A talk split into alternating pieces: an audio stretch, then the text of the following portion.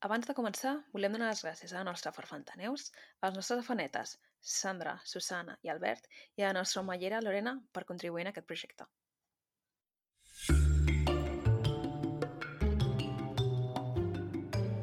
Benvinguts a Malandre Criminal, el podcast on comentem documentals de crims de la manera més cutre possible, perquè no sabem fer-ho millor.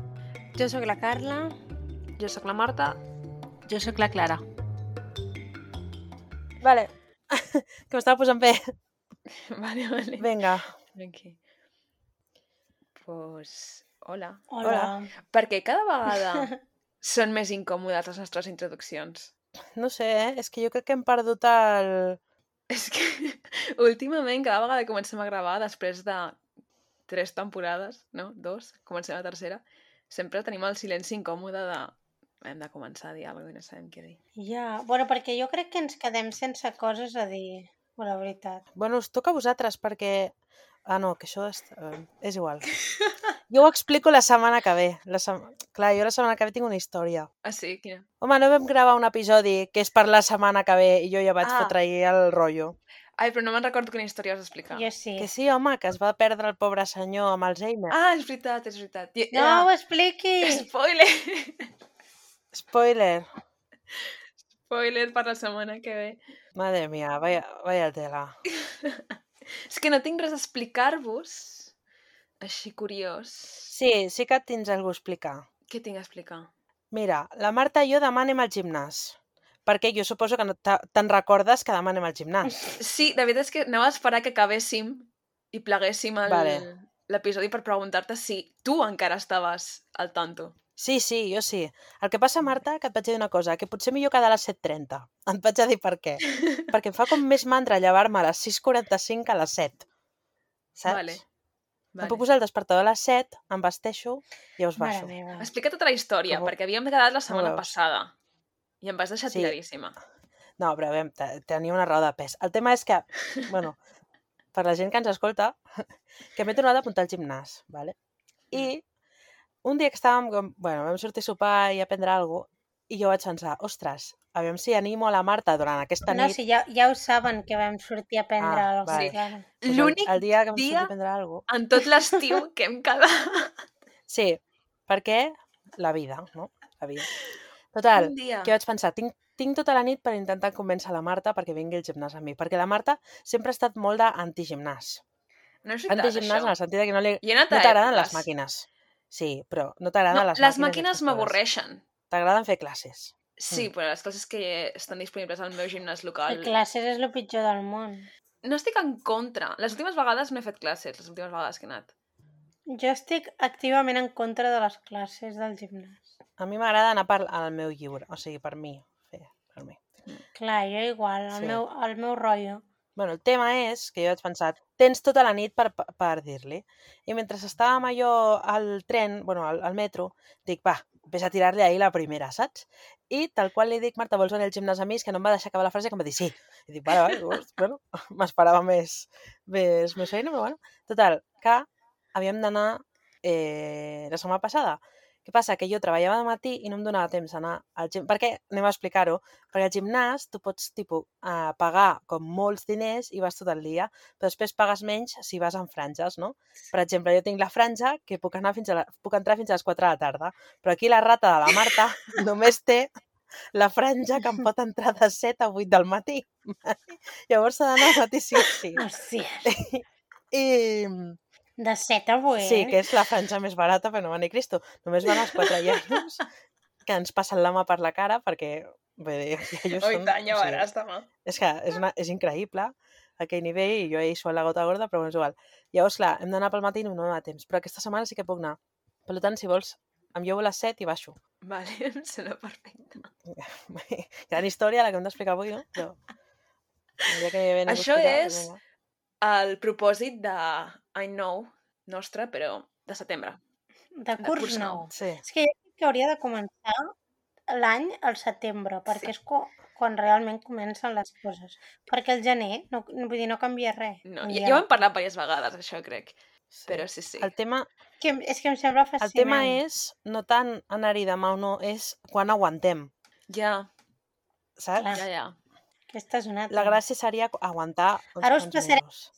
Aquí en el podcast i direm, aquesta setmana ho ha anat. No, sí, sí. Jo tenia intenció, bueno, no ho he parlat amb tu, Marta, I aviam quines excuses em jo tenia intenció d'anar tres dies. Va, de moment em sembla bé. D'anar, per exemple, dilluns, dimecres i divendres, si vols. Mentre es pugui, mentre em quadri amb l'horari, em sembla bé. La meva idea era aquesta, ara. Llavors em dutxo i me'n vaig a treballar. Però ja ho veurem, a veure quan durem, no? Eh, serà interessant. Jo, mentre tingui algú esperant-me per anar, jo vaig. En el moment en què tu et rajis, jo em rajaré, perquè és que si haig d'anar sola, no, home, vaig. No. No per res, sinó perquè dic, sí, sí, aniré i després no em llevo, saps? O sigui, jo necessito la pressió de que algú m'estigui esperant. Bueno, explica'ns allò que ens havies d'explicar. Home, sí, Clara, Ah, tens sí. una novetat, oi? Perquè amb temporada nova ve xurrada nova. Sí, Sí, efectivament. la cosa està que un dia, tipus, jo crec que a les dues del matí o així, la Marta i jo parlàvem i vam dir, vinga, farem això. I ens vam inventar una nova secció que estrenarem aquest any, no? Bueno, tant com secció. Sí, és una Sí, secció. home, sí, secció. Que és que, i no sé per, i no sé per què va sortir Marta, però bueno, és igual. No ho sé. Hem decidit que explicarem cada setmana quin és el Dia Internacional de, vale? I D'aquell dia. per començar, avui teníem un dia internacional, veritat? Mm. Que és, o sigui, bueno, Sí. teníem un, però ara hem decidit que direm dos. Que un és, espera que ho tenia apuntat, el dia dels primates, el qual està molt bé. Eh. El primate més reconegut, el floquet de neu, que era el meu ídol d'infància. el qual, Creia que anaves a dir l'ésser humà. El teu i No, el de no. tothom. no home, no, el floquet de neu, pobre, que es va morir. Sí, cert, cert. Hòstia, parlant del floquet de neu, és que jo no, no em podeu deixar fer aquestes coses. L'altre dia vaig llegir Twitter, a Twitter un senyor que deia que la seva feina era fer- fer-li palles al floquet de neu perquè volien que tingués descendència, que fos un floquet blanc per tenir, per seguir fent diners. Basta. Ho vau veure? Ho havíeu escoltat? meva, No. Però... Sí, a un senyor li pagaven per fer-li palles al floquet de neu, en fi. Bueno, això per una banda. I després hem trobat que també és el Dia Internacional de la Dactiloscopia, que què és la dactiloscopia, noies? Ni puta idea. Ni idea. Penseu una miqueta. Sona a dàctil, o sigui que algú dels dits. És molt rellevant per al que parlem. Ah! Empremtes. Exacte, l'anàlisi de les huelles dactilares, de les empremtes. Sona una mica a fetitxe. Dactilostopia. Dactiloscopia. Sí, sí, sí. Uau, Això o mare. a, o a metge dels ulls. Sí, sí, doncs mira, ho he, bus ho he buscat perquè no sabia exactament el que era i sí, sí, posa que és això, que és la- l'estudi de, les de les empremtes dactilars, perdoneu que estic traduint així en directe, i posa que és una branca de la lofoscòpia. Sabeu el que és la lofoscòpia? Eh? No. Què és les crestes papil·les? una branca de la criminalística que és una ciència que s'encarrega de l'estudi dels dissenys que formen les crestes papilars. Ojo, Les crestes papilars. jo que sé, ja és massa científic. Ja no has indagat més. Bueno, ja n'hem tingut prou. Sí. Posa, formen les crestes les crestes papilars, les quals s'ubiquen en la superfície de la pell de les parts del cos que utilitzem per percebre els nostres estímuls tàctils. O sigui, el que ve a ser les empremtes, però més ben posat, no? I Més, Les crestes papilars són les empremtes, entenc. Bueno, és igual. Felicitats als primats i a la gent que i, estudia i els empremtes. dactilòlegs. els En especial el floquet de neu. Rest, peace. especial. Sí. Rest in power. Rest in power. Vinga, ara, ara comencem, que si no, que si no, no acabarem. Vale, doncs quan vulgueu. Marta, m'he avançat avui. Qui és el malandrí d'avui? Qui és el malandrí d'avui? Clara, ho estava dient jo. Qui és... Però havíem de fer No, una sempre em combinació. trepitja Clar, tu, quan ho vull dir jo. tu comences la frase i jo l'acabo. I al revés. No, doncs pues comença-la tu. Carla. No, Carla no. Marta. Marta. Qui és el malandrí d'avui? Who's the malandri? Us haig de comentar una cosa, per No, cert. para ja de que comentar ara quan diguis el coses. documental... Prou. No, quan diguis, quan diguis el documental. Dale, dale. Doncs el malandrí d'avui es diu Chandrakant Ja, també Déu-n'hi-do. conegut com el carnisser de Delhi. Nom fàcil, eh? Sí. No, però té, ja, ja té nom de, de carnisser de Delhi, o sigui, oi? En plan... Charnacan. No, Chandrakant. Ah, no, em torna... Chandrakan, Chandrakan, Chandrakan. Chandrakant. Vale, vale. Sona com a Jackie Chan. No, no comparem, no posem el pobre senyor Jackie Chan a l'altura d'aquest senyor. No, però que us sona, no sé. Rima. El documental d'avui és un documental de Netflix, relativament recent, és d'aquest estiu, no sé exactament quan va sortir, però que es diu... Um, traduït no ho sé, m'ho estic inventant, però seria algo com El depredador d'Índia, és algo així. I us he d'explicar que quan portava 40 minuts del documental m'he donat compte que estava subtitulat. O sigui, que estava doblat a l'anglès. Perquè, o sigui, Bueno, perquè fan l'accent, l'he no? escoltat amb doblatge en anglès i el doblatge era en anglès i indi, ¿vale? I jo estava escoltant i de cop m'he fixat que no anava com la boca amb el, amb el llenguatge. O sigui, amb el- amb l'àudio i dic, ui, he reiniciat el Netflix, el torno a posar i seguia igual. He estat 5 minuts reiadíssima fins que m'he donat compte que és que està gravat en hindú. Llavors està doblat Sí, en, en- en anglès. hindi. Eh, Sí. Hi ha un parell de Hòstia, tu. persones que sí que parlen anglès, però la Sí, majoria de gent parla hindi. quina menjada d'olla, tu. Mm. En fi. El qual també, si hagués sapigut que hi havia el doblatge en anglès, l'hagués pogut ficar, perquè és que m'estava costant molt seguir el hindi i, el, i els Sí. subtítols. Sí, sí. bueno, doncs, uh, són tres parts, el que passa que realment la part més densa és la primera part. Llavors, si voleu, ja ens hi fiquem Hm, i, i a veure què passa. Sí? Uh -huh. vinga. Doncs, ens hem de situar a Delhi, Nova Delhi, el 20 d'octubre de 2006. I hi ha un senyor... Surten diversos... Bueno, surten com dos policies només. I n'hi ha un que... Una mica de ràbia, la veritat. El que anava amb el traje. No, l'altre. La, el que sortia mm. més, el que va estar més com fent la investigació. Que és un senyor que es diu Sundar Singh Yadar. El calvo. El que parlava anglès. No, l'altre. Ah. El que parlava Vale, anglès tenia una melena i molt, Sí. molt bonica. ah, o sigui, el calvo. Sí. Pues aquest portava traje, no? Portava, crec que era uniforme, no? No. Bueno, igual portaven tots traje, ja que sé, és igual. La qüestió és que aquest senyor que es diu Sunder, ¿vale? Sunder Yadar, és un investigador de la policia de Delhi, no sé què, no sé quantos, i està en una comissaria que es diu Harinagar, dona igual, una mica, una mica igual això, perquè no hi ha molt de context sobre el lloc, en plan, no he pogut entendre com estan distribuïdes les coses dins de Nova Delhi, sincerament, amb aquest documental. I no he tingut és tampoc temps de buscar i indagar, la veritat.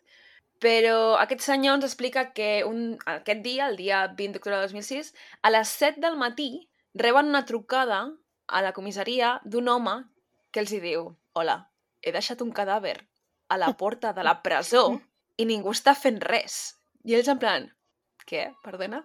I diu «Sí, ja... A la porta 3 de la presó, no sé què... És la presó Tihar, que després parlarem una miqueta de la presó. Ah, disclaimer, estaré pronunciant-ho tot fatal. Bueno, no passa res. Jo assumeixo que és Tihar, igual és Tiar, eh, no ho sé. Però és igual, els diu això. O t'hauries d'haver posat en, en, in, en, in, Bueno, l'has posat, no? En indi. Sí, sí, estava en hindi, però clar, no... No sé. No t'has quedat amb el nom. No, no m'he quedat gaire. És que mm, apenes distingia els noms entre totes les paraules. Jo no vaig llegir els Ja, subtítols. Però bé, la qüestió és que els diu això i ells queden una mica en plan um, perdona, què ens estàs dient? I des de la comissaria truquen a la presó i els diu escolta, podeu anar a la porta 3 i comprovar que hi hagi un cadàver? I els guàrdies que estan allà en plan uh, mm, ok. Surten i veuen que davant de la porta hi ha una cistella d'aquestes... Com aquestes... No de palla, com són? Com es diuen aquestes cistelles? De, de, vi...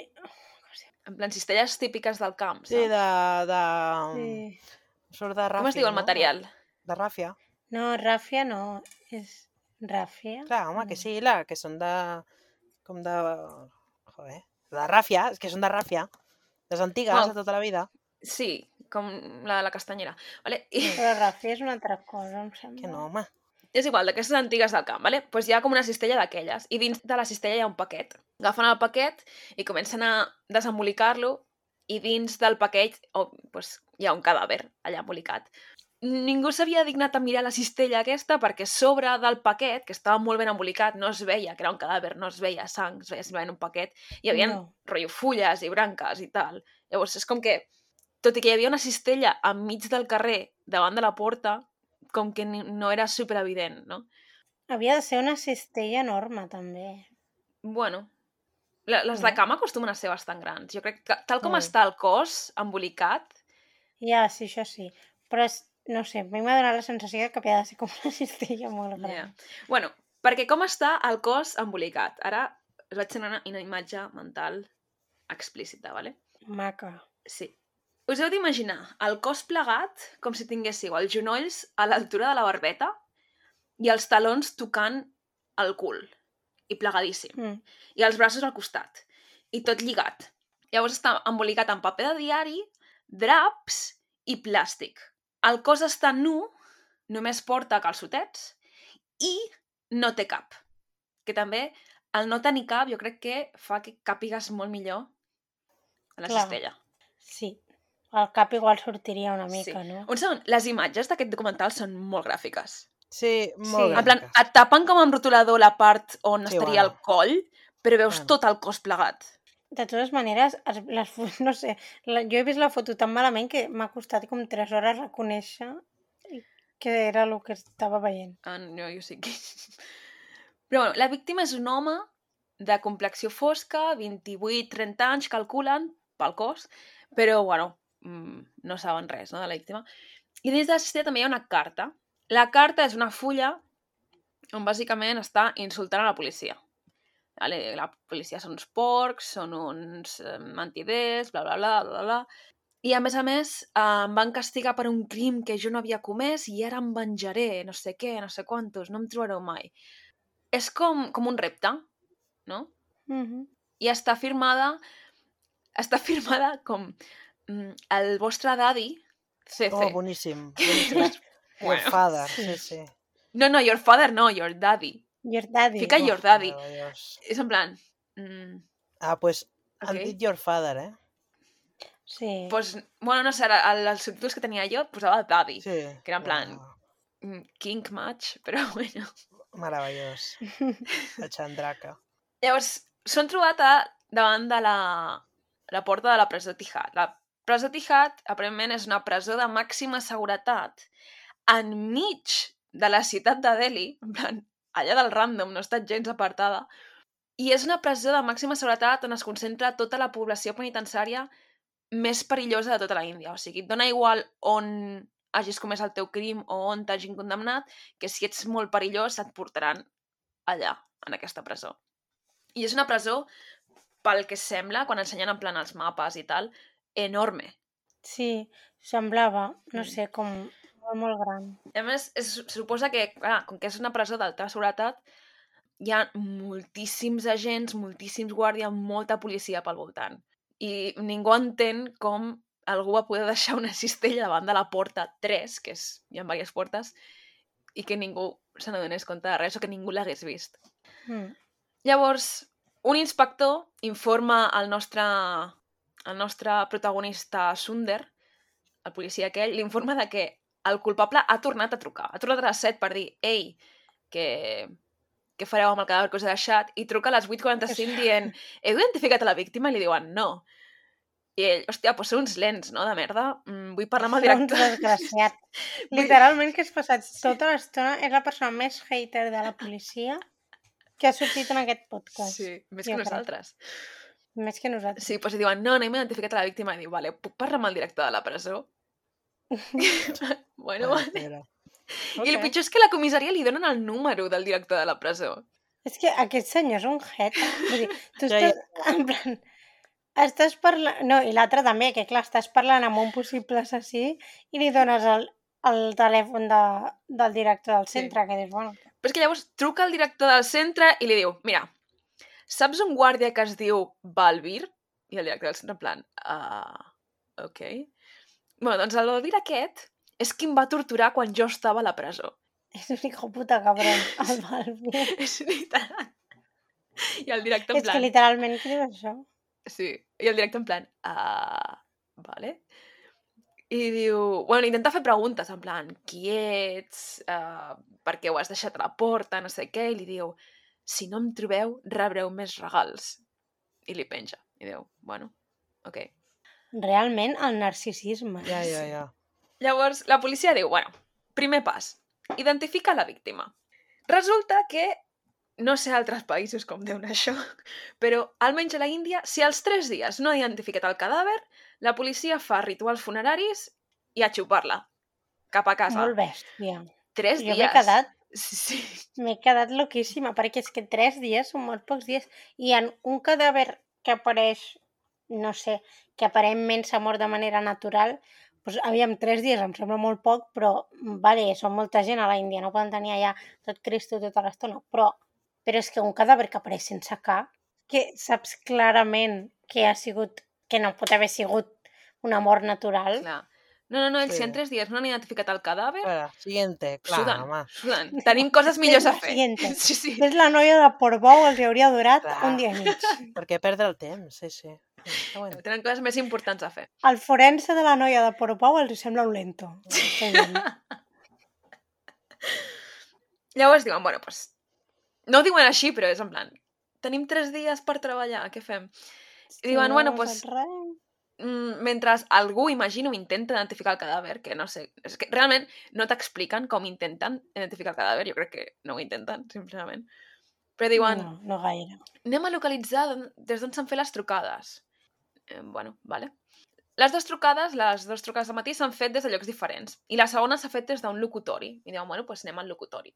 Van al locutori, parlen amb el responsable i el responsable diu ah, no, tot el matí només ha vingut una persona. Diuen, ah, perfecte, és, és nostre hombre. Estupendo. Perfecte. Molt convenient que només hagi vingut una persona en tot el matí. El negoci aquest pobre home li va fatal, però per la policia, de locos.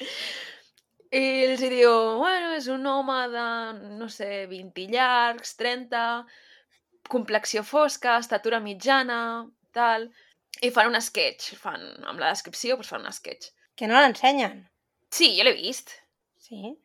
Igual l'he vist eh, buscant pues el nom no a Google, vist. no sé. És igual. Tampoc importa gaire. Home, però volia veure si tenien més no, no skills l'ensenyen, No. eh? Que els de... No? Doncs l'he vist jo a Google llavors buscant um, si havia que aquell dibuix que va sortir a Crims. Sí, però és que dona igual, tampoc fan res amb l'sketch, que no els hi serveix absolutament Ja, per ja. res. Sí, veritat. Ja. Però el que sí que no he entès és que dius, vale, no tens el cap de la víctima, però tens la resta del cos. Ja. En plan, igual pots intentar identificar-lo d'alguna No, no manera, ha però és que no, no, és, Carla, no, no, sembla temps. que Vinga, tingui molt d'interès. Tampoc, bueno, no, no hi ha temps ni interès. I diuen, bueno, espera, anem a mirar la carta que ens ha enviat aquesta persona, perquè igual ens dona pistes sobre la persona que l'ha escrit. I diu, ui, fa servir expressions que són... Heu sentit la puta moto? Sí. Sí. Vale. Un segon, jo visc en un carrer peatonal, no sé com ha passat així. Hòstia, doncs moto. anava tot hòstia, eh? Increïble. En fi. Um, vale, diuen, sí, doncs fa servir expressions que són típiques d'una zona que es diu Bihar, no? i és com un dialecte. I diuen, vale, aquesta persona té que ser d'aquesta zona perquè utilitza aquests tipus d'expressions, aquestes paraules. També utilitza una paraula que la tradueixen com a gangster, Sí. però jo no les tinc totes perquè diuen, oh, és una paraula que només utilitza la policia i els criminals, que una persona normal no sabria aquesta paraula. I a mi gangster em sembla una paraula molt extesa. Per tant, té que ser que no hi ha una traducció real per aquesta paraula i que ens han traduït com a ser. gangster, però anem a imaginar-nos què significa això, no? I llavors, el més interessant de la carta és que els hi diu que sapigueu que també vaig deixar un cadàver al 2003 i ningú va fer res. Boníssim. És que sou puto inútils. Els escriu. Sou inútils. Vinga. Us ho haig de fer tot jo. O sigui, ell mateix mata i fa la investigació criminal, saps? És increïble. Sí, sí, vull dir, no els hi diu qui és per mantenir una mica la gràcia, però si no, Trabaja algo, no? també els hi diria. Sí. Llavors diuen, hòstia, un cadàver del 2003, des de quan? I busquen els seus registres i troben que, efectivament, el 20 de novembre de 2003 es van trobar un cadàver a la porta 1 de la mateixa presó en circumstàncies Oh, absolutament idèntiques, lligat de la mateixa manera que si la cistella, sense cap, però no van identificar el cadàver en tres dies. Per tant, no puc. no van seguir la És investigació. que És que és meravellós. van dir, vinga, prou. Plan- Siguiente. Home, també han dit que hi ha com 500 assassinats l'any. Sí, Clar, és que aviam. Llavors, clar, mm, 72 hores realment, i fora, clar. Clar, li, di, li dic Sí. a ma mare, li dic a ma mare, mama, que acaba de dir que fa, tenen 500, 500 assassinats l'any, em diu, Bueno, són molta gent. També és veritat. També és veritat. També és veritat. Bueno, I sí que, comparat vale. amb 500 assassinats l'any, diuen que 50 no són identificats i no són, res, i són en plan totalment abandonats. De 550 no és una mala ràtio. No. Però, tot i així, 3 dies, sisplau. Dóna la casualitat que són els del Xangraca. Sí. 14 milions d'habitants. Clar, bueno, 500 assassinats, també que- no, la- bueno, no sé. Clar, realment, proporcionalment... Compareu amb els Estats Units. No, clar, Els Estats jo Units ja... que és que- tenen més. Com pot ser, si és primer món, eh? Oh, Oh, com puede No. ser? Bé, com dèiem, com, o sigui, com ja estàvem dient nosaltres, tot i que ho dèiem mitja en conya, clarament la persona que està fent això, el seu objectiu és humiliar la policia, eh, posar en evidència el sistema judicial, penitenciari, etc etc. I clarament sap una mica com funcionen les investigacions o com funciona la presó, perquè sap eh, plan, a qui ha de trucar, no? En plan, quines portes trobaran Sí. què i tal. I diuen, bueno, a veure, el guàrdia aquest, que ha mencionat per nom, anem a veure. On estava aquest guàrdia abans del 2003? I diuen, ah, doncs abans del 2003 estava al mòdul X. Diuen, vale, anem a buscar una llista de població del mòdul X abans del 2003, no? Doncs 2002. Mm. I diuen, bueno, a veure, basant-nos entre que aquesta persona tindrà entre 25 i 35 anys. Tota la gent que té entre 25 i 35 anys. Vale, ara sabem que té complexió fosca, doncs eliminem tots els que no tenen complexió fosca. I sabem que segurament és d'aquesta zona que es diu Bihar. Vale, doncs eliminem tots els que Es no fan són... quién es quién. Sí, sí, sí, totalment. I es queden amb una llista de 35 persones. I diuen, bueno, Que realment 35 persones tampoc són tantes. no, de- bueno, depèn de com tu miris, són moltes. O, Bueno, aviam. Déu-n'hi-do. No, a Nova Delhi són, són clar, dir l'equivalent a dos o tres. Són quatre gats. Sí, sí. Llavors, què passa? Fan això, no sé què, estan tres dies a tope amb les llistes, passen tres dies i no han identificat el cadàver. I caput. O sigui que... A la puta Fora. merda. Siguiente. La llista no ha servit per res. Allò va ser el um, octubre de 2006. Doncs el 25 d'abril de 2007 troben un altre cos. Aquí ja no ha deixat passar 3 anys, ha passat uns mesos només.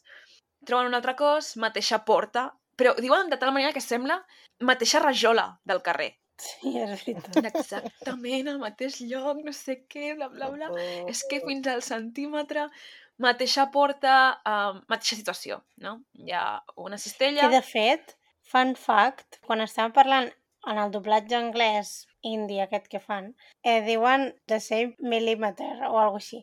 I a la traducció en castellà posa el centímetro. Ah. Ahí cadascú a lo suyo, les, les mesures són les que et doni la gana. Solucionat. Són les que tu vulguis. Més o menys, està aproximat. Llavors, què passa? El cos està lligat de la mateixa manera, no? En plan, a fora de tot hi ha plàstic i el plàstic està aguantat amb cordes. I estan... És que és molt ridícul. Estan... Molt rudimentari, eh? No, no, però és que és ridícul perquè estan mitja dotzena de polis al mig del carrer, que no és un carrer que no passi ningú, és un carrer... O sigui, aquesta mm, presó està tocant a una carretera principal d'aquestes que hi ha en plan Sí. quatre carrils i a tot, tota l'estona passen cotxes, ¿vale? I hi ha un trosset de cera. No, acera no, acera és una castellanada. Vorera. Vorera. Hi ha un trosset de vorera. Doncs pues estan allà sis policies i no poden desfer els nusos de les cordes per desembolicar el cadàver, que jo pensant, Graciosíssima, aquesta part. una han dut el cap a dins. I dos, un ganivet. I dos, un ganivet. Però són no uns tens? inútils, perquè veieu que la policia és un inútil a, a tot arreu. I no poden, i no poden. Clar, és com que no podien desfer els nusos i es queden allà. Vull dir, hòstia, què fem que no podem desfer els nusos? No hi ha, no hi ha un pas més enllà que és anar a buscar alguna cosa que talli, saps? És fascinant. Jo entenc que no, no vols tocar massa l'escena, no sé què, no sé quantes, perquè has de fer fotos, però, tio, fes-li la foto a la cistella i emporta-te-la cap a dins. No desmontis el cadàver enmig del carrer. No, I que després ve un nen random i diu, espera, què tal? No, no, això... Ve, no un nen, però ve un tio random que els No, diu, oh, teniu problemes, no sé què, tinc una navalla, i treu una navalla i els hi talla les Clar, és cordes que- i se'n I va. farràs. Dius, bueno, vale, És una opció, no? Sí. Doncs, un cop enmig del carrer els tallen les cordes i tal, i el desemboliquen, veuen que està tot igual, que l'altre no té cap, està plegat de la mateixa manera, però, a més a més, li han tallat les mans i els peus. I els genitals. Sí. Quasi m'oblida. Molt bé. I no hi ha carta. Ells esperaven una carta i no hi ha carta. Al final troben les resta de parts com repartides per ahí davant d'uns jutjats, que també és una mica un missatge, no? Una mà desquarterada davant dels jutjats. Pues, bueno, eh, eh, no sé quin missatge és, però és algun tipus de missatge. I, clar, tenen el problema de que, tot i que no tenen la carta, per tant no poden dir 100% que és la mateixa persona, no sé què, vull dir, el modus operandi és exactament el mateix. Però tampoc hi ha càmeres de seguretat als voltants, en aquella època encara no, no poden fer res realment. I munten un equip especial, un equip que el dirigeix a l'altre senyor que ens discutíem abans, el senyor del cabell, que sí que parlava anglès. I aquell m'ha caigut millor. Se'l veia com molt afectat Sí. per aquest cas. Sí. A mi també m'ha caigut millor, eh? Sí. Vaig a dir. O sigui, l'altre era com una mica condescendent. Sí. Aquest senyor es diu, atenció, Harbobunder Daliwal. Mm, poc el mencionaré ja, és, el, és el, com el, un, un policia especial i és l'encarregat de l'equip, no? Munten allà un pedazo de dispositiu, no sé què... Però al cap d'un mes, el 18 de maig, apareix un tercer cadàver. En realitat és el quart si comptes el 2003, però ells no el compten, Sí. perquè total, per què? Perquè és el 2003. Ha caducat. Vinga. Ja ha passat tres Sí. dies, no? Pues, i Clar. no. I aquest tercer cadàver, tot igual. Mateixa porta, mm, lligat de la mateixa manera, li han tallat un altre cop als genitals, les mans no ho diu, o sigui que assumeixo que no. Però aquesta vegada sí que tenen una carta. I aquesta vegada la carta són tres pàgines de carta, escrites a mà. Tres paginaques, eh? Mm. És que es triga estona, eh? Mhm. Això, vull dir... I a la carta els hi diu, a veure, pallassos, no heu identificat la primera víctima i literal que li vaig escriure el nom al braç. No puc. És que... És que sou inútils. És la millor part, la millor part. Per això et dic que no sembla que tinguessin gaire interès a No. veure molt el cos, perquè literalment tenia el nom escrit al braç. Escrit al braç el posava a, No tens, a mi, no a tens el mi. cap, però tens, tens Sí. un, un fil del, del que tirar, no? clar, tens un nom, que és una part important de la identitat d'una persona. Sí. Que segurament hi ha la tira de persones amb el mateix nom, però jo què sé, és un començament. I els hi dona com detalls sobre les víctimes, no? Sobre en plan, és que no heu examinat bé els cossos, perquè haguéssiu trobat aquesta pista, i haguéssiu trobat aquesta pista, bla, bla, bla. És que el pobre deixa tota la feina mig feta i passen Clar, d'ell. És que clar. jo l'entenc. Clar, canvia cartes. És un incomplert. Clar. Llavors diu, mira, sabeu què? Com que sou uns inútils, anem a fer-ho més interessant. Sisplau, bueno, no diu sisplau, diu, mm, feu-ho. Anuncieu una recompensa per informació sobre aquest tal CC, a veure si algú us diu alguna cosa, i publiqueu aquesta carta als mitjans. Perquè els mitjans, um, realment, fins que no es va publicar la carta, i estaven en plan, els mitjans, els titulars són tots en plan, uh, assassí en sèrie mm, em fa que els policies semblen gilipolles. O sigui, van al salseo, la premsa. Ja. Abans de que es publiqui aquesta Són carta... el de Sant Sí, de, de Nova Delhi. sí. Abans de que es publiqui aquesta carta, mm, és en plan... Ok, una, no sé, un mort més. s'ha de sudar. és que van així, tio. Va, vinga. En plan, Home, un és decapitat que si han més. de publicar 500 cada any... Ja, tio, però un decapitat plegat davant de la policia. Ja. Jo escriuria Ja, sobre això. Sí. Sí, saps? sí, és veritat. Però jo que sé, aquesta gent té altres prioritats. Que no és un apunyalament random en un bar. Saps què et vull dir? Ja. Mhm. Però bueno. A més a més, a la carta diu... eh, Es, diu moltes coses a la carta, vale? diu coses molt randoms. I diu... És que, que sapigueu, si no cometo entre 7 o 8 assassinats l'any, no em quedo tranquil. I és, bueno, Mm, ok. pues, molt bé, no? I fes el que hagis de fer, jo que sé. bueno, ok. Tu no pateixis per res. Sí. Hi ha una doctora, que és la directora de l'Escola de Criminologia de Nova Delhi, no sé què, que diu oh, està projectant la seva ira, la ira que sent cap als Oh, seus M'ha pares. encantat aquesta senyora. Jo hi m'ha havia trossos que deia, tia, t'ho estàs traient de la màniga que flipes. Però bueno, No, no, fantàstica. Vull dir, el més interessant del documental ho ha dit aquesta es diu, senyora. està proje- projectant la ira que sent cap als seus pares cap a la policia perquè són com una figura Com paterna. figura Sí, d'autoritat. això, una figura d'autoritat. Mira. Bueno, ok. Mm, senyora, el que tu diguis. Dir, realment, You do you, no? tu, tu penses això, pues Molt bé. Cap Vull dir, problema. Tens més credencials que jo, sí. Realment, bastantes més. I... I quan llegeix la carta i comença a dir coses, és que, Sí. o sigui, ja sé que és com la part menys fiable de tota una investigació, no? Això d'analitzar les, les paraules que fan servir i tal, però és que és la més fascinant. Ja, és, molt la més interessant, realment. Sí.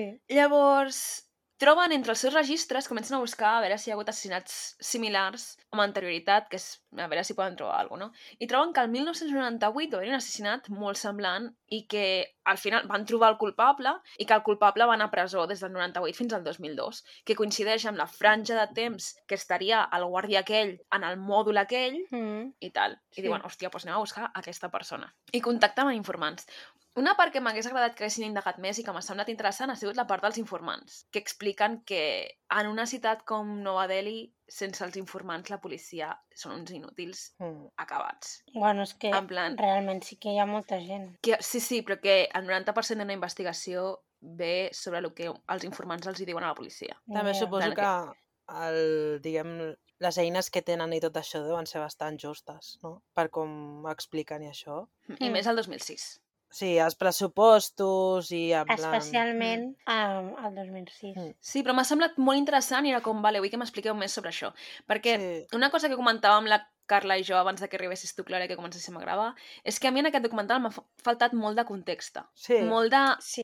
Perquè jo no estic familiaritzada amb la societat ja. índia. A mi se m'ha fet molt redundant, no? No t'ha donat la sensació aquesta que es feia una mica pesat de redundant de que són tres episodis que t'expliquen el mateix. En plan, amb el primer Sí, episodi t'expliquen tot, realment. Sí, sí. Però parlem de context, més d'en plan entendre Mm. com funciona la societat allà. Clar, Sí. que expliquin això de, de les castes i Clar. dels estrats socials, de diferents coses que parlen com molt per sobre, deixen anar com quatre coses que jo penso que si tu ets una persona eh, familiaritzada amb la cultura índia segurament ho entendràs, però Mm. per la resta es queda com una mica en l'aire, Sí. en plan... Són molt poquets, saps? Un, un detallet que tu passes per alt. A més a més, també, amb altres documentals que hem vist que són de fora d'Europa i tal, hi ha hagut una mica de context històric, no? De, doncs el 2006 estava passant això socialment, políticament, no sé què, no sé quantos, saps? Eurocèntric, això, eh? Què vols dir? En plan, que assumim que els que són d'Europa no necessiten context. No, no, no, ho dic Saps? que, que, què vols dir? Que, no, no, jo, a mi ja em va bé que... O sigui, a mi m'agrada que hi hagi una mica de context de com és la societat i tal. Clar, és veritat que si hi ha un documental, i dèiem abans, que és de mm, França, doncs no necessito potser tant de context Sí. com un que és de Clar, fora. potser una persona de... Però una mica lo just, tio. O sigui, a mi m'agrada una mica lo just, que és, sí, que igual una persona de la Índia mira el documental de les nenes del Casa i també es queda una mica en plan, eh? No entes la meitat, Clar, saps? clar, Vull dir, això. totalment, Sí, eh? Però sí, això, sí. que a mi em faltava això per jo ser capaç d'entendre. I aquí que ja començaven a com indagar una mica en la societat, amb el tema dels Sí. informants i tal... T'he quedat una mica curt en aquest aspecte. Exacte, això em referia. Mhm, Estic d'acord, eh? Sí, doncs la qüestió és que contacten amb els informants, no? I amb els informants i tot el rotllo, i que es van, es separen i van buscant i tal, els hi arriba informació, informació sobre un metge que té una clínica i que en aquesta clínica la persona amb la descripció que busquen doncs, hi freqüenta i va bastant a aquella clínica. I diuen, bueno, doncs anem. I aquí també ha sigut molt random tot, perquè van com tres o quatre policies a la clínica d'aquest metge, s'asseuen i tal qual s'asseuen, li diuen estem investigant un assassinat de tres persones a les que li han tallat el cap. I dius, bueno, potser, no sé, Okay. el sumari aquí no, no, no va. No. Llavors el metge rep una trucada, agafa la trucada i tal qual penja la trucada, li foten una hòstia. Li foten una bufetada Sí, sí. del random i qui t'ha trucat? Era l'assassí, oi? El del telèfon i el metge en plan, uh, sí, però no sé, la hòstia feia falta, no sé. Clarament. I s'enduen el metge a la comissaria, no? I el metge al final els explica, vale, doncs aquesta persona es diu Chandrakan Ja, o, o Ja, és, no sé, no sé pronunciar, Ja, és J-H-A, Ja. Crec Sí, que diuen com ja. ja. Chandrakan Ja. I bueno, és que té cinc filles i totes les seves filles han nascut a la meva clínica, d'això el conec, a més a més el conec perquè coneix el meu cunyat, perquè una vegada vaig anar a buscar el meu cunyat i s'estava embarallant i estava a punt de matar-lo i vaig tenir que salvar el meu cunyat i la policia en plan, bueno, bueno, ja, És que és boníssima aquesta part. m'estàs contando, no? Sí, sí. Ja, bueno, bueno, veure. I li diu, mira, és que he quedat amb ella a les 4 de la tarda. I li diuen, vale, truca'l altre cop i digue-li que si ho pots passar demà. I, vale, i ho passa el dia següent. El dia següent, estem a dia 2 de la investigació, encara no han mm, renunciat al cas. El dia següent, a les 4 de la tarda... Li queda poc temps. Sí. Uh, el dia següent els policies es camuflen una mica davant d'abandonadors de fruita i de gent, en plan, bueno, banda paisa. I estan monitoritzant on es fa la trobada, però ja no es presenta. Diré el cognom perquè és més fàcil que dir Kandrakan, i no me'n recordo. I diuen, bueno, doncs res, hem perdut el temps, anem a mirar el registre de trucades del metge a veure si ens surt el telèfon d'aquesta persona, no? I al final troben el telèfon de, del Kandrakan ja i de la seva dona. I diuen, bueno, anem a localitzar el telèfon, però acaben més en una zona que no pas una direcció en concret, no? I diuen, bueno, doncs hem d'anar a Alipur, que és un barri. Mm. Llavors, el tercer dia de la investigació, van a aquest barri, se separen per investigar i tal, i llavors el cunyat del metge que va estar a punt de matar-lo, no sé què, aparentment també el tenen a la comissaria, perquè això surt del no-res, que els hi diu, ah, per cert... Sí, sí. Un detallet, no? Sí, per cert, que ell porta... No sé exactament com explicar-ho, però és com un carret, és el típic que t'imagines quan penses en, en la Índia, no? Aquests carrets que són, no és un tricicle exactament, però quasi com si fos, així, que Mm. porten coses darrere, però no és una moto ni és un cotxe, és una cosa una mica estranya. És un híbrid. Sí, és un, és un carret. Hi ha alguns que tenen pedals i alguns que tenen motor. Doncs pues ell en té un i en té un amb Sí. motor, no sé què. I un policia allà diu, hòsties, doncs n'estic veient un ara igual del que m'estàs descrivint. Perquè el truquen per telèfon, no?, per informar-lo. I li diuen, ah, doncs entra a la casa. Així del random. Bueno, Però és que amb 14 milions de persones que hi ha, si sí. veu un carro i diu, mira, és este. Sí, sí. I entra a la casa, però sense... No, no sé, sense cap tipus de Ni procediment. ordre ni hòsties, eh? Vull dir, jo entro perquè em suda els collons. No, no, no, el seu jefe li diu entra a la casa. Però no hi ha cap Boníssim. tipus de procediment de... de... No necessita cap permís ni res, va. Ell entra a la casa. No, per això deia, un ordre per, per entrar. Sí, no. No, Eh, O jo que sé, demanar reforços o no, alguna no, cosa. no. Ell entra. Tot xulo. Ei, va adelante. Què passa? Que assumeix... Aquí s'acaba l'episodi. I a l'episodi 2 comença amb la interrogació de Chandrakant ja. O sigui que jo assumeixo que el troben en, aquest, en aquesta casa Ja, i el detenen. una cosa, és que perquè no han explicat la detenció. Que no, és com una de les coses més interessants, no dels documentals, és com veure el moment just que l'atrapen. Pues aquest No sé. ja, siguiente. Ja, diu, Però tenim sí. temps per perdre. Quina tonteria, eh? Bueno, ja, sí. No sé, Podien haver estrany. una mica, no sé. Sí. Clar, haver fet una mica rotllo peli. Clar. saps? No saben, aquesta gent. No, no, no. Llavors, la interrogació la fa el Sundar Singh, que és el primer que hem estat parlant, no? I el, el Kandrakan li diu que sàpigues que et reconec la veu perquè vaig parlar amb tu per telèfon, no sé què. I el Pol en plan... No és creepy ni res. El Pol en plan, jo no et reconec la veu de res, tio. Clar, o sigui, s'estava intentant fer l'interessant i el Pol en plan... Sí, Ets un mitja merda. total. I diu, bueno, reconec que he perdut el joc perquè m'heu enxampat, no sé què, no sé quan... Bueno, vale. I els explica... Que es munta una pel·li ell sol. Sí. Els explica una mica la seva vida i com ha arribat a aquest punt, no? Els explica... Soc un de sis germans de la zona d'aquella de, de Bahir i els meus pares mai em van estimar, ni a mi, ni als meus germans, no sé què, ens havíem de buscar la vida. I quan vaig esvicint gran, em, em, vaig, em vaig mudar a Delhi. Em vaig mudar a Nova Delhi pues, a buscar feina, no? I que comença a treballar com a jornaler i en una mena de com mercat així molt gran, on els camions porten verdures i tal, i després ells les recullen i les venen, les porten a altres llocs per vendre-les, no? I diu, he treballat com allò, és una feina molt dura, no sé què, no sé quantos, però clar, allà treballa molta gent de Bahir, que és la seva zona, i diu, és que som la categoria de, de, de gent més baixa de tota la societat de la Índia. Eh, Mm.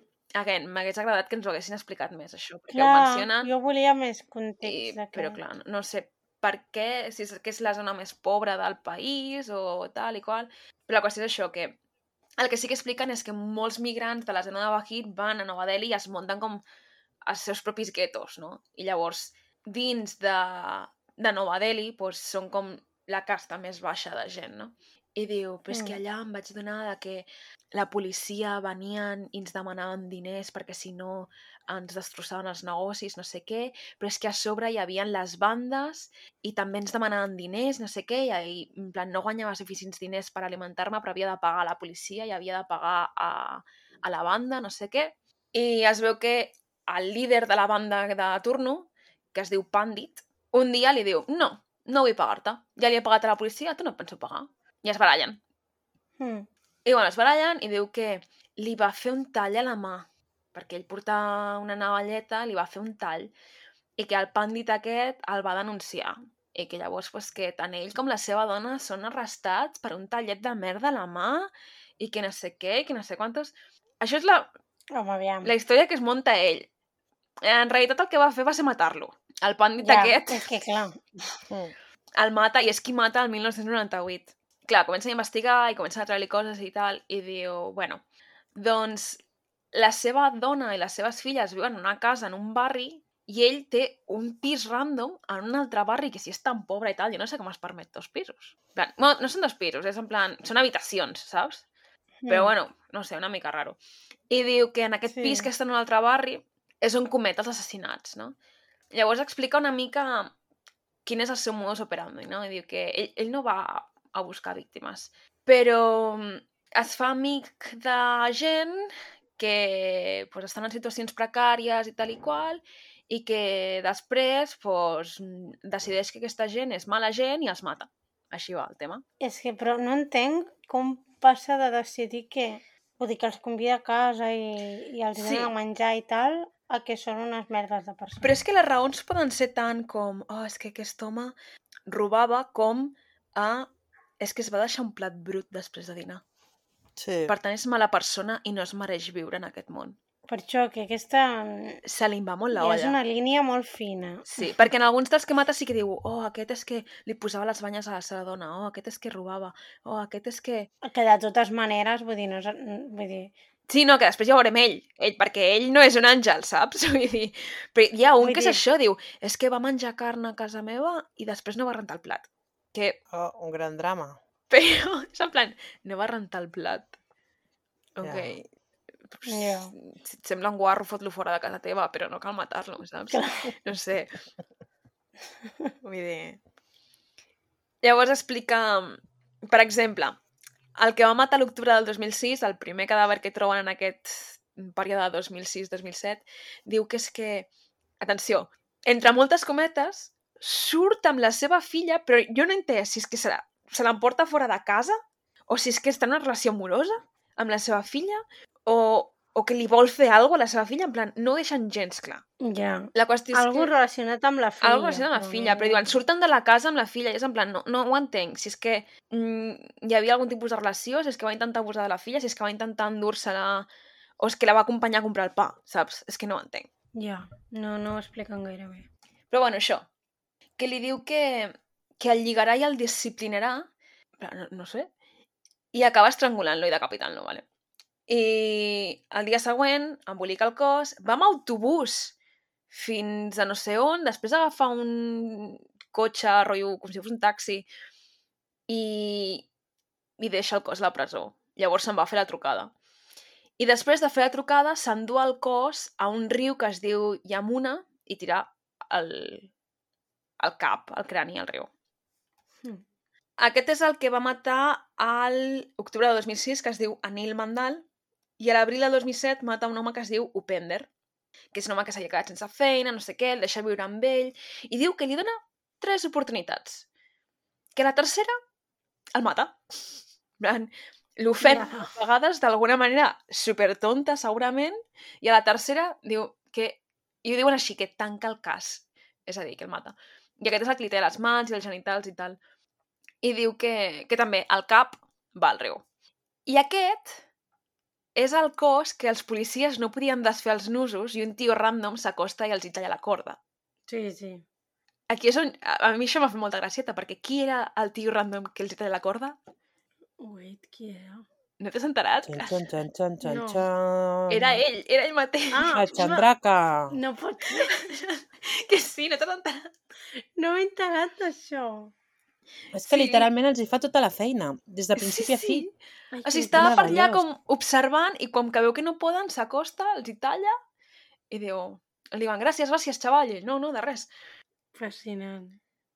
I diu que ho deixen aquella porta en concret perquè és la porta que vigila el Balbir, que és el tio que el va torturar, no sé què, i és com que el vol torturar, torturar psicològicament. El Balbir aquest li suda la polla. Ja, té una Sí. pinta de que li importi tant que li deixi allà cadàvers. En plan, no estàs torturant psicològicament a ningú. I després, al maig del 2007, eh, és un home que es diu Dalip, que va estar 15 dies vivint amb ell, però li va mentir, li va dir alguna mentida superxorra i pues, el va acabar matant, no? I llavors el que sí que és, és curiós és que ell assumeix, o sigui, ell diu, sóc jo el culpable, jo he fet, jo he comès aquests crims, però la responsabilitat no és meva, perquè són ells qui es van portar malament, per tant s'ho mereixien. Sou vosaltres que a mi m'heu tornat una mica boig i són ells qui em van fer enfadar. Per tant, sí, assumeixo la culpabilitat de que he fet aquests actes, però la culpa, la responsabilitat d'aquests actes no són meves. Mm, En plan, és ok. seva. No. Ah, i aquí també el que és graciós és que m'ha fet molta gràcia perquè diu, li pregunten, i lo de CC que firmaves què significa? I diu, significa Chandra, que és la lluna, perquè estic criant la meva pròpia identitat, el meu propi És que- personatge. Soc la lluna. Realment aquesta persona té un problema i el que necessita és un psicòleg. Jo crec que s'estava fent la pel·lícula de que era un vigilante, un plan superhéroe, saps? En plan, Sí, sí, totes total. les persones dolentes, no sé què, en realitat és un psicòpata. Totes les persones dolentes, segons ell, que és, deixaven els plats bruts. saps? Sí. Llavors, el tema estava en que la gent que matava eren gent totalment destituïda. Destitu... Destu... Eh? Destituïda? Destituïda. Sí, destituïda. En plan, ha gent que sense feina, alguns havien sigut mm, criminals de... mm, Bé, de passo que t'emboli, saps? Mm. I, eh, clar, són gent per la que ningú es preocupa. Són Ja, normalment van migrants, no? clar, són normalment migrants que són de la casta més baixa com ell, els hi ofereix una casa, els hi ofereix menjar, i, però ja està, saps? O sigui, ningú, ningú es preocupa després de buscar-los. I el que és curiós, que és que diuen, però és que no sé com... O sigui, ho diu la policia, que flipen de que transporta els cadàvers 15 quilòmetres cada vegada. En plan, dins d'un autobús, amb el cadàver. Bueno, És que és molt, és molt, sí. que no fa olor. No, no sé, igual tot el plàstic, jo què sé. Ja. Al final acaba confessant uh, un, dos, tres, quatre, cinc, sis, set assassinats. El del 98, que és el del Pandit. El 2003 diu que en va cometre dos, un el que va deixar davant de la policia, bueno, de la presó, perdó, i un altre, que són un, dos, tots són homes, uh, Shekhar i Umesh. El 2005 diu que va cometre un altre, que és, és un home que es diu Gudu, i llavors el 2006 l'Anil Mandal i el 2007 l'Upender i el Dalip. Però clar, diuen, sí, tenim la confessió perquè tenim proves, perquè les confessions fetes a la policia no són admissibles al judici a menys que aquesta confessió Mm. t'hagi portat a descobrir proves sòlides, no? Eh, bueno, doncs anem a buscar els caps al riu. Si trobem els caps, vol dir que el que ens està dient és veritat. I el ja els porta cap al punt on van llançar els caps, però tres dies més tard encara no han trobat res. I llavors, de la manera més random, un policia veu un gos nedant al riu i pensa, anem a seguir el gos. El listo, el calvo listo, no? Eh, Sí, sí, sí, sí, sí. Diu, anem a seguir el gos. Perquè igual els gossos, que són, assumeixo, gossos que viuen al carrer, han agafat el cap, no sé què, i l'han mogut de lloc. Llavors comencen a buscar més pels voltants, on estan els gossos i tal, i troben un crani. Però és raro perquè... O sigui, ell els hi diu... Uh, sí, és el crani de l'última víctima. I diuen, vale, però aquest crani és només os, no hi ha pell, no hi ha sang, no hi ha cabell, i fa només 5 dies. En plan, no pot ser. Ja. Que no, no, és impossible que sigui. hem trobat un crani del random i t'estàs colant que flipes. Llavors, aquí també és interessant perquè decideixen portar totes les parts del cos que tenen, incluïda el crani aquest, a analitzar per ADN a veure si coincideixen i no en tornen a parlar. Fascinant. Llavors diu, bueno, vam utilitzar una altra tècnica, moltes cometes per aquí, una altra tècnica, Tècnica. I llavors ens va donar més detalls. Una tècnica, de Tècnica? confessió. Sí. És molt dir. Sí, una tècnica perquè confessés i llavors ens va donar més detalls. És a dir, li van fotre una pallissa que flipes. Sí.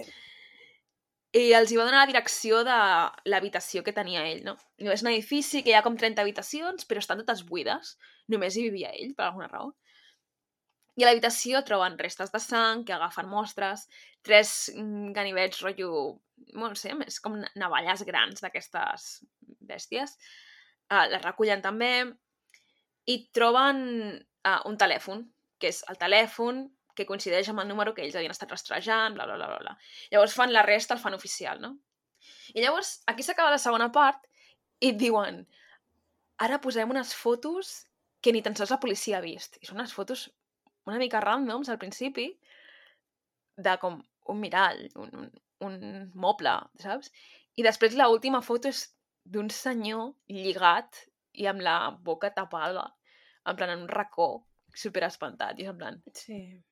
Aquestes fotos m'han fet molt de mal rotllo. Hmm. Llavors, el tercer episodi, que és l'episodi final, és l'episodi més com de conclusions, no? Parla una mica amb la gent del poble, t'explicant, ah, el poble d'on és originari aquest home, que es diu Gosai, ningú del poble ha parlat mai en càmera i mai han parlat amb la policia. Per tant, això són testimonis de primera mà, primera vegada que s'atreveix la gent del poble a parlar. No? I parla una mica de, bueno, sí, la família, no sé què, la mare era una professora, però una tia molt rara, que sempre es fotia en problemes i a més a més tenia aquesta tendència de... Atenció, la mare tenia tendència a liar-la i després dir que no era culpa seva, que era culpa dels altres. Mm. Mm, vale. No sé què en recordarà. No? I que no cuidava dels seus fills, no sé què, i que des de petit ja en plan que també el nen aquest era un liante, no sé què, i que als anys 80 ja se sabia que havia matat a gent, en plan que va disparar a un perquè es van barallar una vegada, que algú altre va matar, saps? O sigui, que abans que es mudés a Delhi ja, ja havien passat coses rares i tothom del poble ho sabia. Però una cosa que diu la, la doctora de criminologia, que és bastant interessant, és que una persona crea aquest estat de terror a tot el poble, en plan, és una aldea, realment, però a tota l'aldea, Mm. que igual són, jo sé, bueno, no sé quantes persones són, però no, no sembla que sigui molt gran, però tot i així, una persona crea aquest estat de terror, la sensació de poder que tens que tenir és molt gran. Per tant, et dona com més, no sé, més més mm, ganes de fer coses així perquè tens la sensació que ets intocable, de que ningú et diu res, ningú et pot fer res, no? Sí. Llavors, hi ha un home, un veí, que diu, bueno, quan el, quan el ja es va mudar a Delhi, realment ell dirà que... O sigui, diu a la gent que era l'Auré i tal, i que feia allò de les mm, verdures, però no és veritat. El que feia era anar allà, anar al mercat, robar les verdures més cares i després vendre-les a, a preus inflats a la, a la gent que sí que necessitava aquelles verdures pel seu negoci, no? I que després tenia com una minibanda, que ell era com que el líder. dius, madre mia. Sí. Una minibanda que ell era el líder que es dedicaven a robar televisors i coses així, no? I que, de fet, ella es quedava tots els diners i que uh, els quatre o cinc que els seguien no els donava mai diners, sinó que els hi comprava menjar. Llavors, com que els tenia controlats amb això, no? És una, és una mena de grooming, que se'ls hi diu, però una mica... Els té controlats d'aquesta manera, no? Amb, amb el fet de que és qui els qui, el seu proveïdor, diguéssim, de, de menjar, perquè Mm. si no estarien morts al carrer. Però que no els hi paga. No, no, no els hi paga, simplement els hi compra menjar, perquè sense, sense ell no menjarien. Ja, ja. Saps? Sí.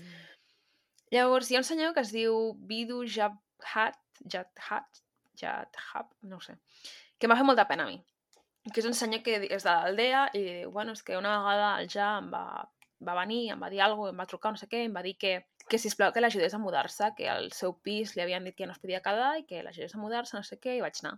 I que tal qual va entrar al pis va veure un grup d'homes lligats. Diu un grup, no diu exactament quants, però mínim tres o quatre. I li diu, mm, si fas soroll o fas alguna cosa, vés amb cuidado perquè tinc intenció de fer-te el mateix a tu.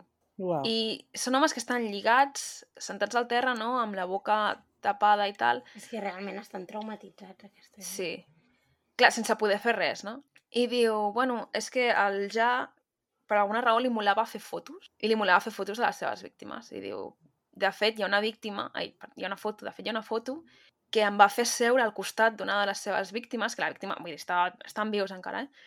I diu, em va fer seure al seu costat i a la foto just va clicar en el moment en què jo em vaig girar i és la foto que ensenyen al final de l'últim episodi, que és un senyor assegut com a un llit, però una mica girat i darrere hi ha un home lligat en un racó, no? amb una cara de pànic increïble.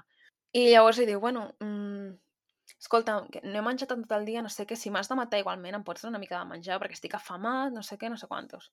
I per alguna raó el ja li diu, vale, sí. I surt de la casa, sense haver lligat prèviament aquest senyor. I tal qual surt per la casa, de la casa, aquest senyor, que és plan, un puto heroi, els deslliga tots i fugen, tots junts, no? I n'hi ha un d'aquests senyors que estava lligat, que es diu Mural Issa, que agafa la càmera i se l'endú. I agafa la càmera, se l'endú i se'n tornen tots a l'aldea o d'on fos que fossin i aquest senyor mai revela les fotos. Sap el que hi ha en aquella càmera, però mai revela les fotos, perquè estan cagadíssims de por, o sigui, són gent que no ha dit mai res. I un cop es mor, el seu germà troba aquesta càmera i revela les fotos. I clar, es veuen unes fotos... O sigui, és que bastant horrorós. Les fotos es veuen... Molt de mal rotllo. Sí, la veritat que sí. Mm. Les víctimes lligades, amb ferides als ulls, alguns tenen els llavis cosits. O sigui, és molt bèstia. I el fet de que aquesta gent s'escapés i el, el, el tio que ell, el, el ja no es molestés a tornant a buscar-lo és perquè sabia que no dirien res. Perquè estan aterroritzats. És molt bèstia. Um, bàsicament, això, això és el que expliquen que té una mica de, de gracieta. O sigui, de gracieta. Que és interessant. Um, que la gent del poble per fi està com atrevint-se a dir una mica pues, les seves experiències, no? com es coneixien d'ell.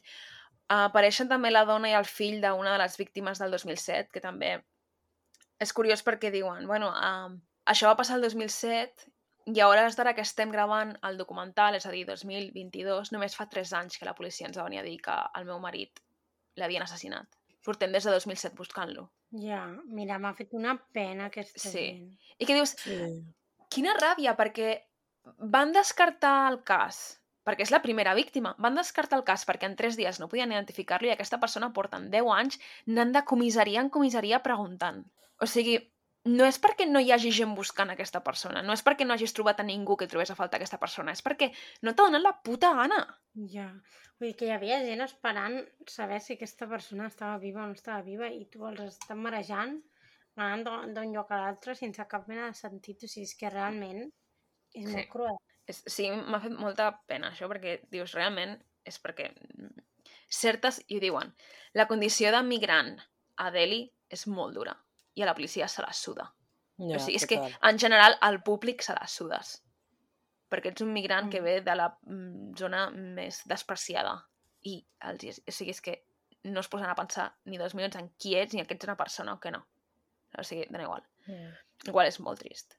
I no sé, clar, no, no sé exactament com funcionen les coses allà, no, no socialment, la societat, doncs no tinc tanta informació com potser caldria, no tinc per fer aquí un discurs apropiat, però pel que veus en aquest documental dona molta pena.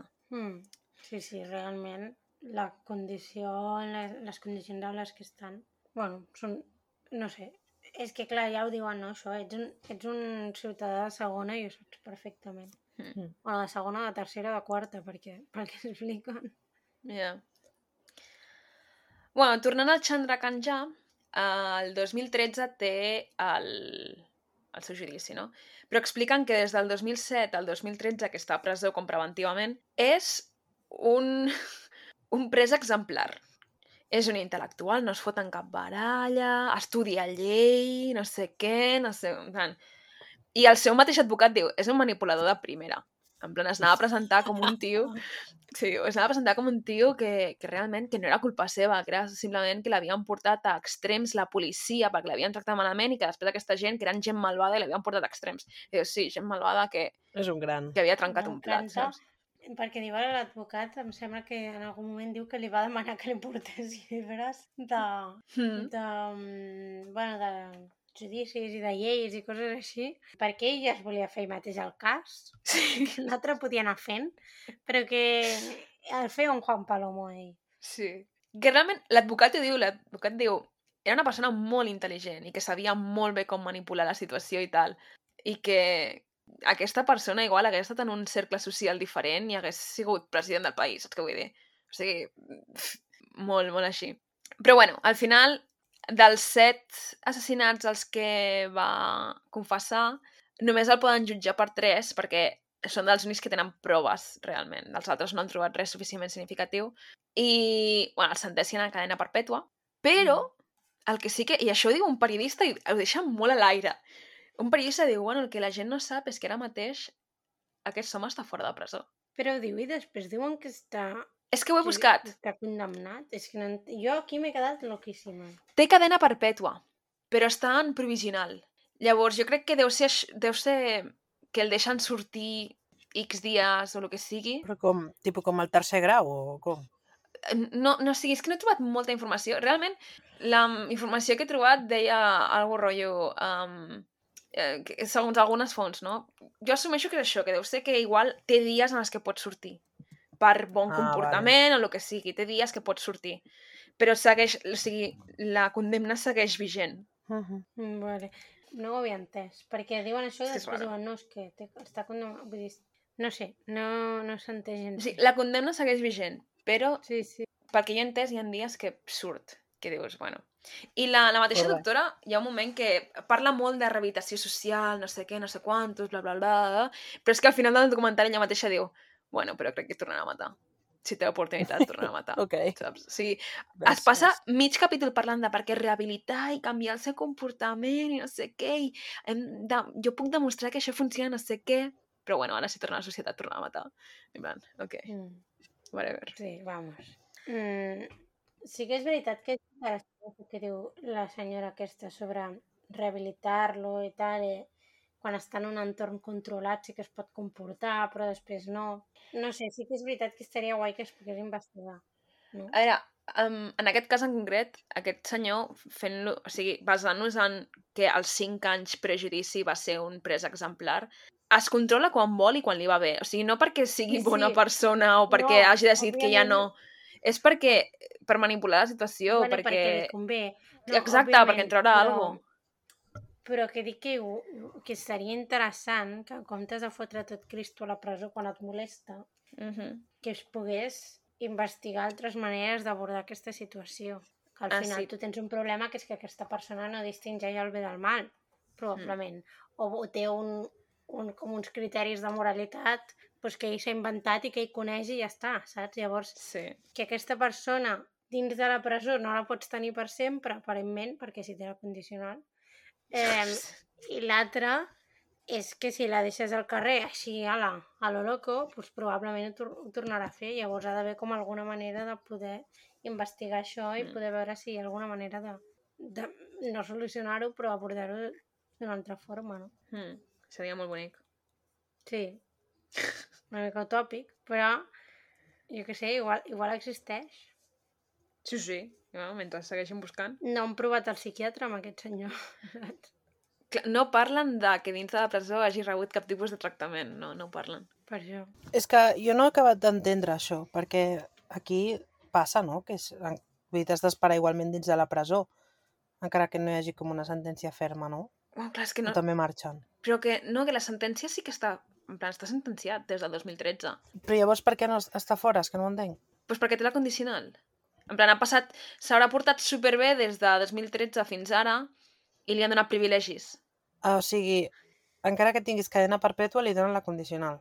Aparentment. Clar, tampoc entenc com funciona el sistema penitenciari d'allà. No en tinc ni És idea. que és estranyíssim, no? Bueno, Això és el que entenc amb la informació que em dona el documentari de Wikipedia. Ja, ja, clar, clar, òbviament, òbviament. Aviam, el senyor molt bé de la boina no està, això està clar.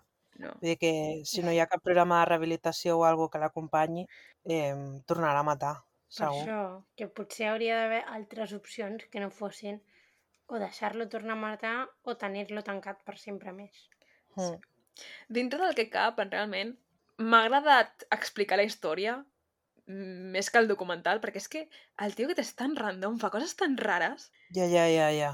i va un parell de collons pel món, en plan, eh, Sí. policia, que mm, no heu identificat el cos, saps? En plan, No, no, és que els hi fa tot, és meravellós, o sigui, els vacila com vol. sí. sí, sí exacte, vol. vaciletes. És un vaciletes Sí, i és sí. graciós d'abordar això. Mm. Però és No, m'ha agradat. A part, tam també està guai perquè normalment no fem casos, o sigui, sempre fem o com casos d'europeus o d'Estats Units, i Mm. també està guai conèixer doncs, maneres diferents i, i de llocs diferents, no? Mm. Jo crec que el documental no li fa justícia al cas. O sigui, penso que podria haver sigut un cas molt bo, o sigui, un documental molt bo amb un cas que té xitxa, però el documental...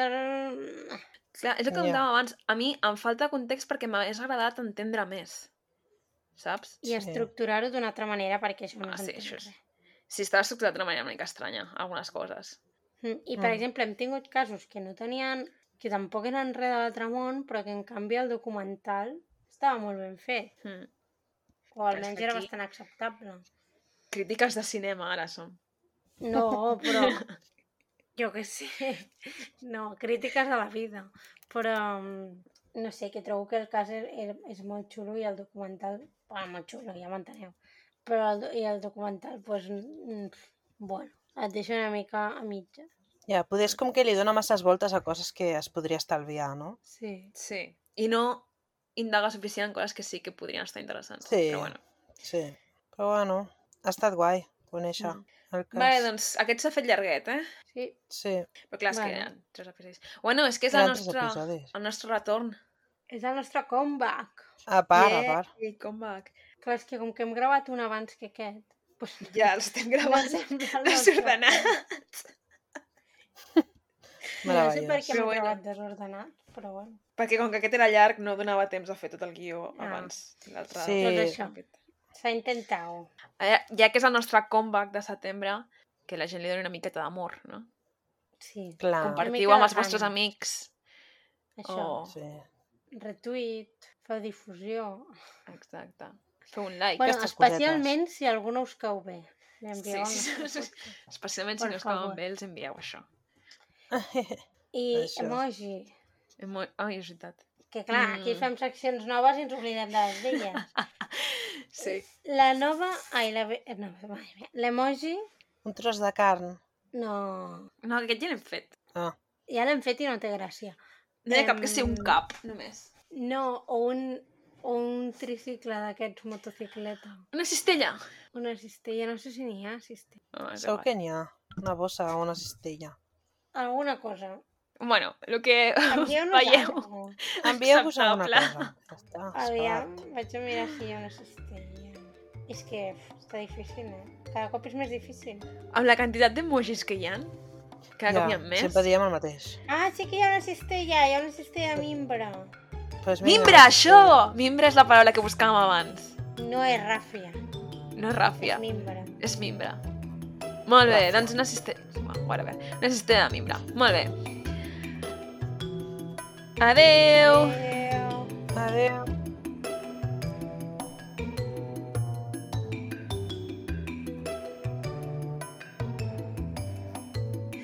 Fins aquí el programa d'avui. Si us ha agradat i us heu entretingut, podeu subscriure-us. Ens trobareu a Spotify, Apple Podcast, Google Podcast, iVoox i altres plataformes. Si voleu contingut extra, us podeu fer mecenes o fer una aportació a malandrí.aixeta.cat. També ens podeu trobar a Twitter i a Instagram. Gràcies per escoltar-nos. Adéu. Adeu.